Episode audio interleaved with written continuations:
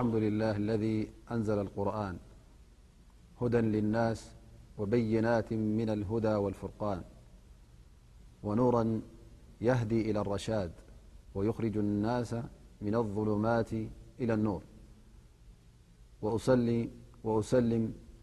على من أوتي القرآن ومثله معه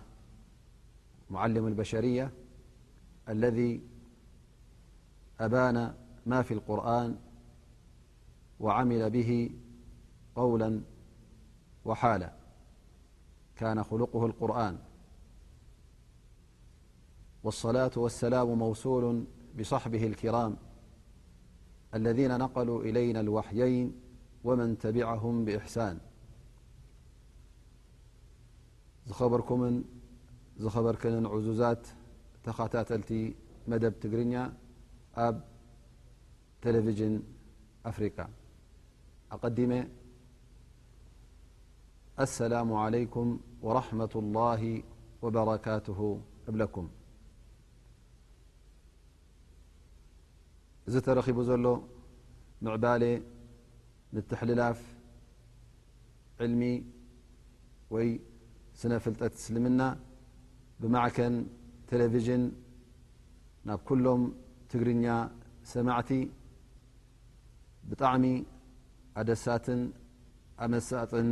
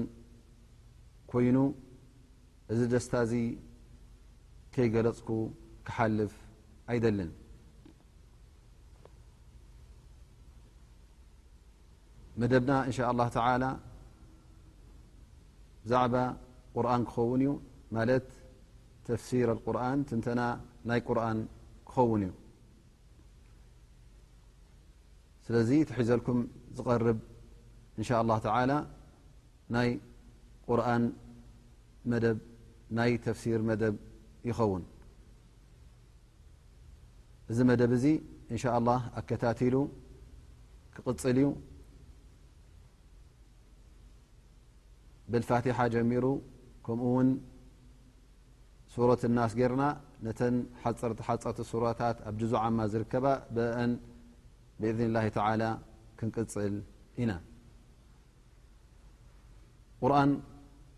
ከምቲ ኩላህና እንፈልጦ እዚ ቁርን እዚ ኣላ ስብሓን ወተላ ናብ ነቢና ሙሓመድ ለ ላ ለ ወሰለም ዘውረዶ ቃል እዩ እዚ ቃል እዚ ግዴታ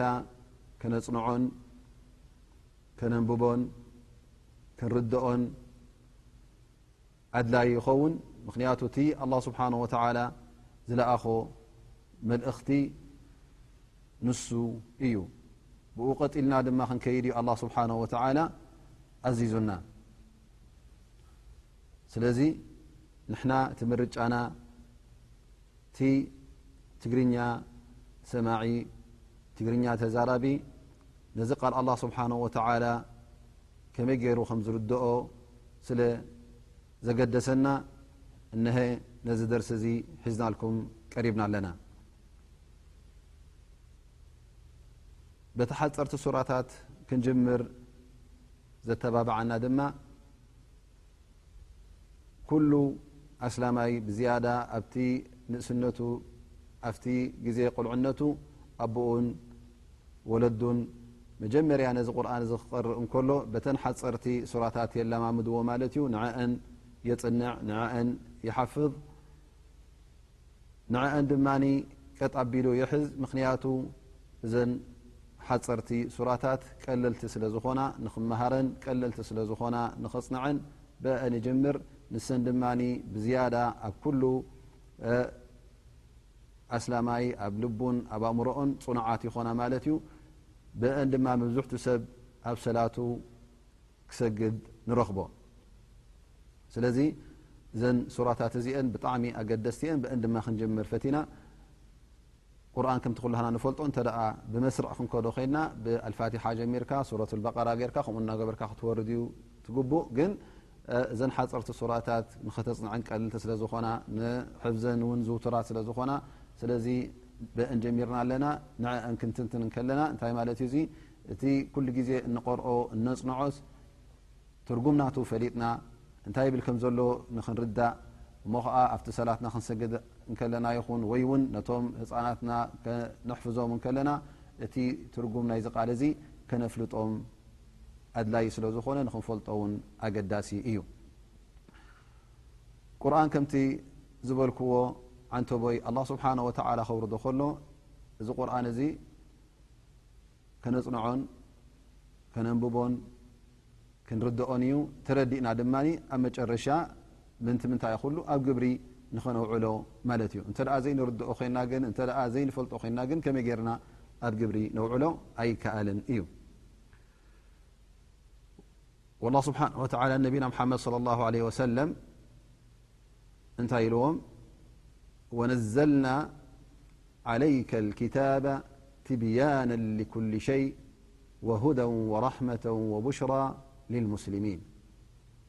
እዚ ቁርን እዚ ክነውርደልካ ከለና ኩሉ ነገራት ክንትንትነልካ ንኩሉ ነገራት ንኸነፍልጠካ ከምኡ ውን ሓበሬታ ንመገዲ ሓቂ ነቲ ቅኑዕ መገዲ ንክትፈልጥ ከምኡ ውን ኣብ ርእሲኡ ኣላ ስብሓን ወተላ በቲ ናቱ ርህራሀ ዘውረዶ ከምኡ ውን ብስራት ነቶም ኣመንቲ ነቶም በዚ መንገዲ ዝኸዱ ከም ብስራት እዩ ኣላ ስብሓን ወተላ ኣቕሪብሎም ዘሎ ስለዚ እዚ ቁርን እዚ ንዓና ንመገዲ ሓቂ ዝመርሓና ስለ ዝኾነ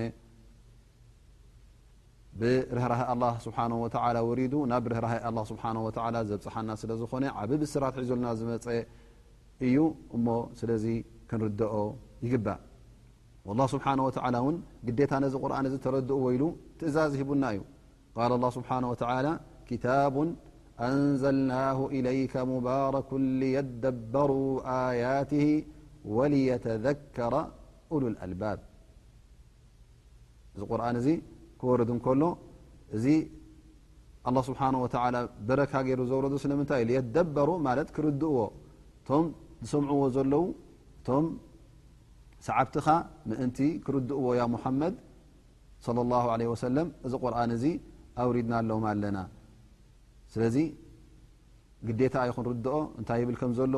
ክንፈልጥ ኣለና ኣብ ግብሪ ምእንቲ ከነውዕል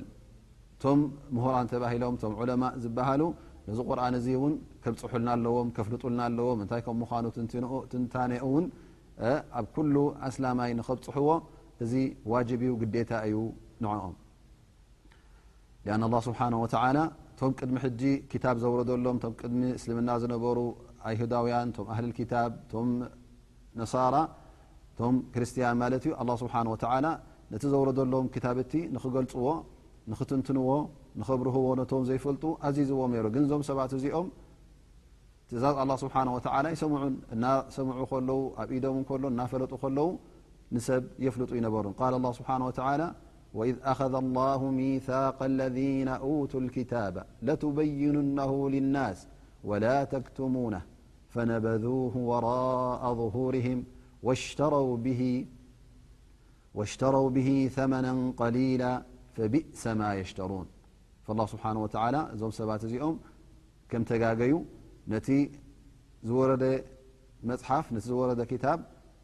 ስለ ዘይተገደስሉ ኣብ ዝባኖም ስለ ዝደርበዩ ድሕሪኦም ስለ ዝገደፉ ኣላ ስብሓን ወተዓላ ኣብ ጌጋ ከም ዝወደቑ ሓቢሩና ማለት እዩ ስለዚ ኣብቲ እቶም ቀዳሞት ዝወደቕዎ ጌጋ ንኸይንወድቕ ኣላ ስብሓን ወተዓላ እነሀ የጥንቀቐና ኣሎ ማለት እዩ ነዚ ቁርን እዚ ብክእለትና ኣንቱም እተምሃርኩም ኣንቱም ዕልሚ ዘለኩም ንሰብኩም ኣረድኡ እዩ ዝብለና ዘሎ ማለት እዩ እዚ ቁርን እዚ ክፍሰር እንከሎ ውን ትንተና ክወሃብ እንከሎ ውን ሱቅ ኢልካ ዝኾነ ሰብ መፂኡ ባዕሉ ይተንትን ማለት ኣይኮነን ባዕሉ ከም ድላዩ ይዛረብ ማለት ኣይኮነን ምክንያቱ ኣላ ስብሓን ወተላ እዚ ቁርን እዚ ከውርዶ ከሎ ኣገባብ ስነ ስርዓት ገይሩሉ እዩ ከምቲ ነቢና ሓመድ صለ ላه ለ ሰለም ገይሮም ዝትንትንዎ ዝነበሩ እቲ ዕለማ እውን ዝገደፉልና መምርሒ ንዕኡ ተኸትልና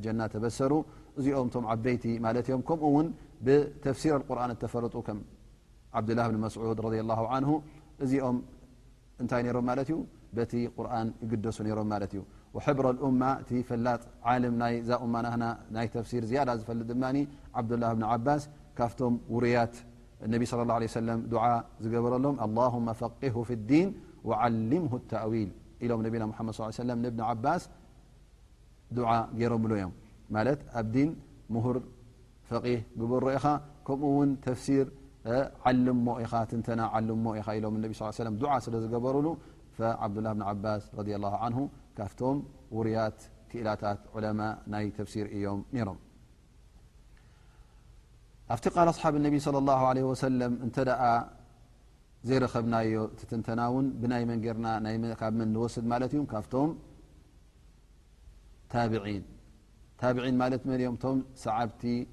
ናይ ኣሓብ ነቢ ስ ሰለም ቶም ንኣስሓብ ነቢ صለ ላ ለ ወሰለም ዝረኣዩ ሰባት ቶም እሙናት ሙእምኒን ማለት እዩ ስለዚ እዞም ታብዒን እዚኦም እውን እቲ ዝወሰድዎ ዕልምን ፍልጠትን ካብ መን እዩ ነይሩ ካብቶም ኣስሓብ ነቢ صለ ላ ለ ወሰለም ደረሳ ኮይኖም ኣብ ትሕቲ ቶም ኣስሓብ ነቢ ስ ሰለም ይመሃሩ ነይሮም እዚ ስለ ዝኾነ ድማ እቲ ናቶም ዕልሚ እ ናቶም ፍልጠትን ብዛዕባ ቁርን ዝያዳ ኮይኑ ንረኽቦ ማለት እዩ ንሶም እውን ይግደሱ እዮም ነይሮም ሙጃህድ እብኒ ጀብር ናይ እብኒ ዓባስ ድረሳ እዩ ነይሩ ኣብ ትሕቲ እብኒ ዓባስ ኮይኑ መሃር ነይሩ ማለት እዩ ይብል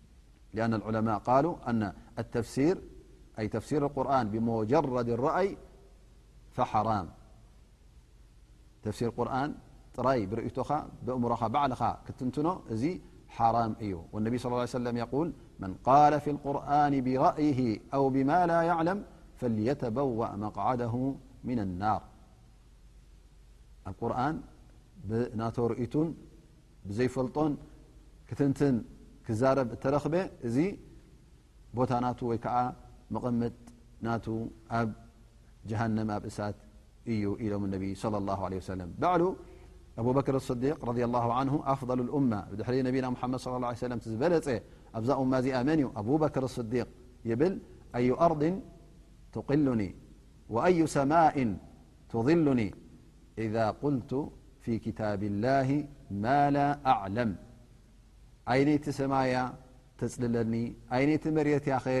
እትስከመኒ እንተ ኣነ ኣብ ቃል ኣላ ስብሓን ወተላ ኣብ ቁርን ብዘይፈልጦ ባዕለይ ቦግ ኣቢለ እንተ ተዛሪበ እዘን እቲ መሬት ኣላ ስብሓን ወተላ ከመይ ገይረ ክኸዶ እቲ ፅላል ናይ ሰማይ ድማ ከመይ ገይረ ከፅልሎ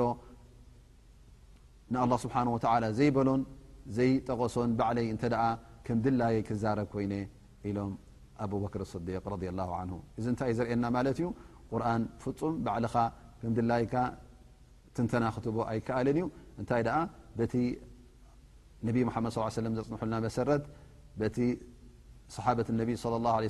ፀናሓና ዘፅንሑልና ቃላት ቶም ድሕሪኦም ስዒቦም ዝደረሱ ዝተምሃሩ ኣብ ትሕቲኦም በቲ ናቶም ጌርና ኢና ንትንትን ኣ በር ቋንቋ ዓረብ ፈሊጠ ኢልካ ከም ድላይካ ክትንትን ኣይከኣልን እዩ ስለዚ ምናልባሽ ቅድም ንሰምዕ ርና ይኮን ቁርን ኣይፍስርን ወይ ቁርን ኣይትፈስር ክብልካ ከለዉ ባዕልኻ ብኢደወነንኻ ሱቕ ኢልካ ቦግ ኣቢልካ ኣይትፈስር ማለት እዩ ደኣ እምበር እንተ ደኣ ካብቲ ዑለማእ ዝበልዎ ተመርኲስካ ካብቲ ዝሓለፈ ናይ ኣስሓብ ነቢ ናይ ታብዒን ቃላት እናምፃእካ እንተ ናብኡ ተመርኪስካ ትፍስር ኣለኻ ኮንካ ትትንትን ኣለኻ ኮንካ እዚ ሓራም ኣይኮነን እንታይ ደኣ እዚ ኣድላይ እዩ እቲ ቁርን ደኣ ስለምንታይ ወሪዱ ክንመሃሮ ዶይኮነን ክንዕለሞን ክንፈልጦንዶ ኣይኮነን እዩ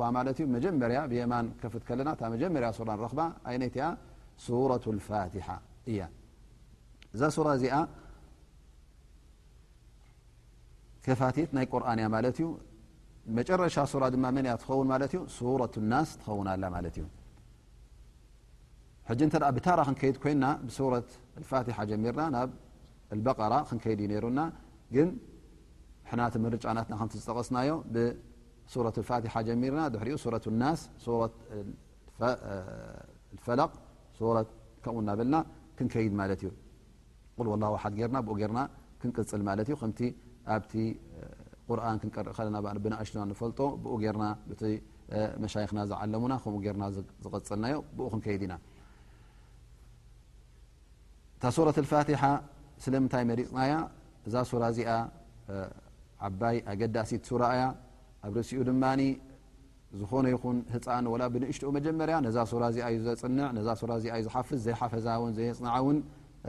የለን ኣብ ርእሲኡ ድማ እዛ ሱራ እዚኣ ክንቀርኣ ከለና ኣብ ሰላትና ግዴታ ስለ ዝኾነት ኣብ መዓልቲ እንተ ሓመቐ እንተ ሓመቐ ጥራይ ፈርዲ ንሰግድ እንተ ኮይንና ዓሰርተ ሸውዓተ ሳዕ ኣቢልና ንቐርኣ ማለት እዩ ሱና እተ ኣእቲኻሉ ካልእ ዓይነት ሰላት እተ ኣእቲኻሉ ካብኡ ንላዕሊ ንቀርኣ ኢና ስለዚ እዛ ሱራ እዚኣ መጀመርያና ሕሉፍ ብልፀት ኣለዋ ከምኡ ውን ኣከታትልና ንቀርኣ ስለ ዝኾና እሞ እንታይ ማለት እያ ግን ዘይንፈልጥ እውን ብዙሓት ኣለና እዛ ልሓምዱ ንኩሉ ዝቀርኣ ሰብ እተ ሓቲትካዮ እንታይ ማለት እዩ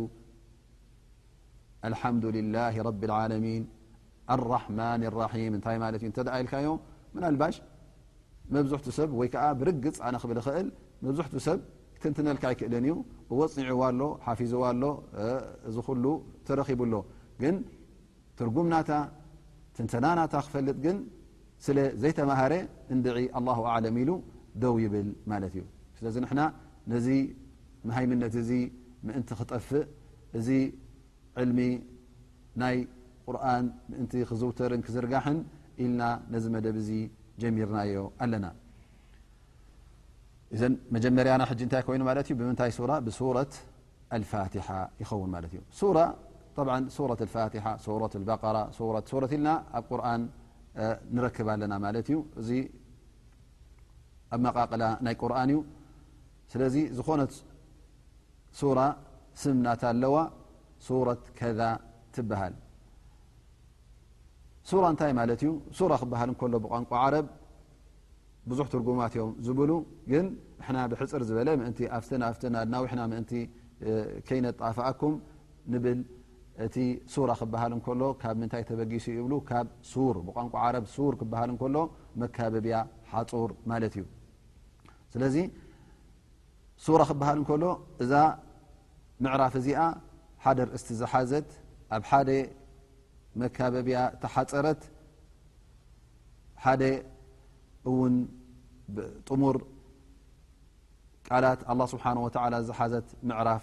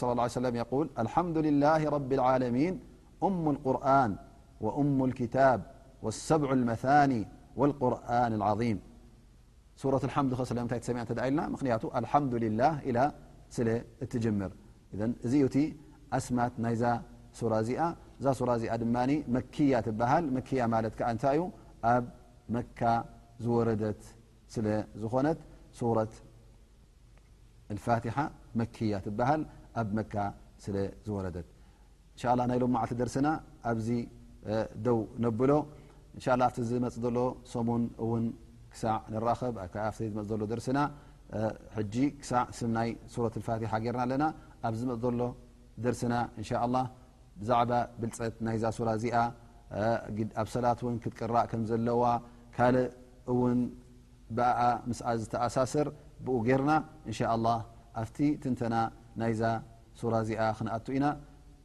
ክሳዕ ዝመፅ ዘሎ ዕለት